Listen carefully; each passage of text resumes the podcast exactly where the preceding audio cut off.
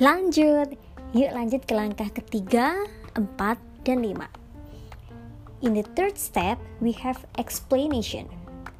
Jadi di step ini teman-teman waktunya menjelaskan sebenarnya pengen dapat apa atau apa harapan teman-teman dari negosiasi ini.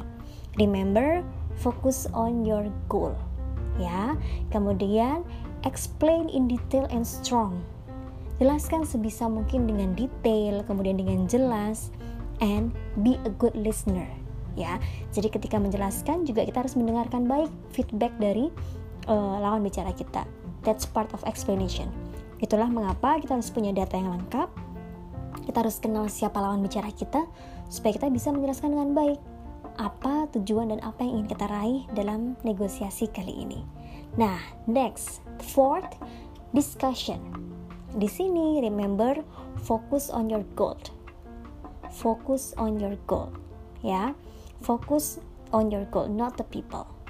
Jadi, kadang-kadang kita suka ke distracting dengan uh, lawan bicara kita siapa tapi ingat kita punya goal kita punya tujuan yang ingin kita raih ya yang ingin kita sepakati bersama-sama kemudian dengan panduan guideline yang sudah teman-teman susun, kita bisa membuat beberapa option dari situ. Kita mau bikin seperti apa ya, gitu. Kalau belum kelar gimana di pertemuan pertama? Balik lagi tuh, ingat ya minggu lalu ada integratif dan distributif. Teman-teman pengen yang mana tujuan negosiasinya?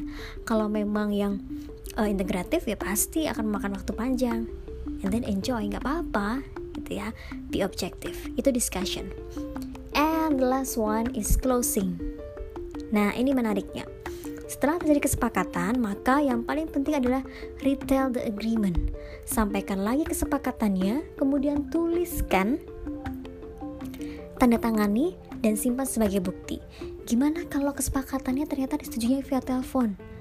nggak apa-apa atau via zoom kalau sekarang ya dengan via uh, apa namanya video call nggak apa-apa bisa kita rekam kemudian kesepakatan kita tuliskan kembali dalam bentuk email kita kirimkan ke yang bersangkutan sebagai bukti jadi kita simpan dan mereka pun menyimpannya. Ya that's negotiation. Gimana? Five step? Mudah ya melakukannya? Selamat mencoba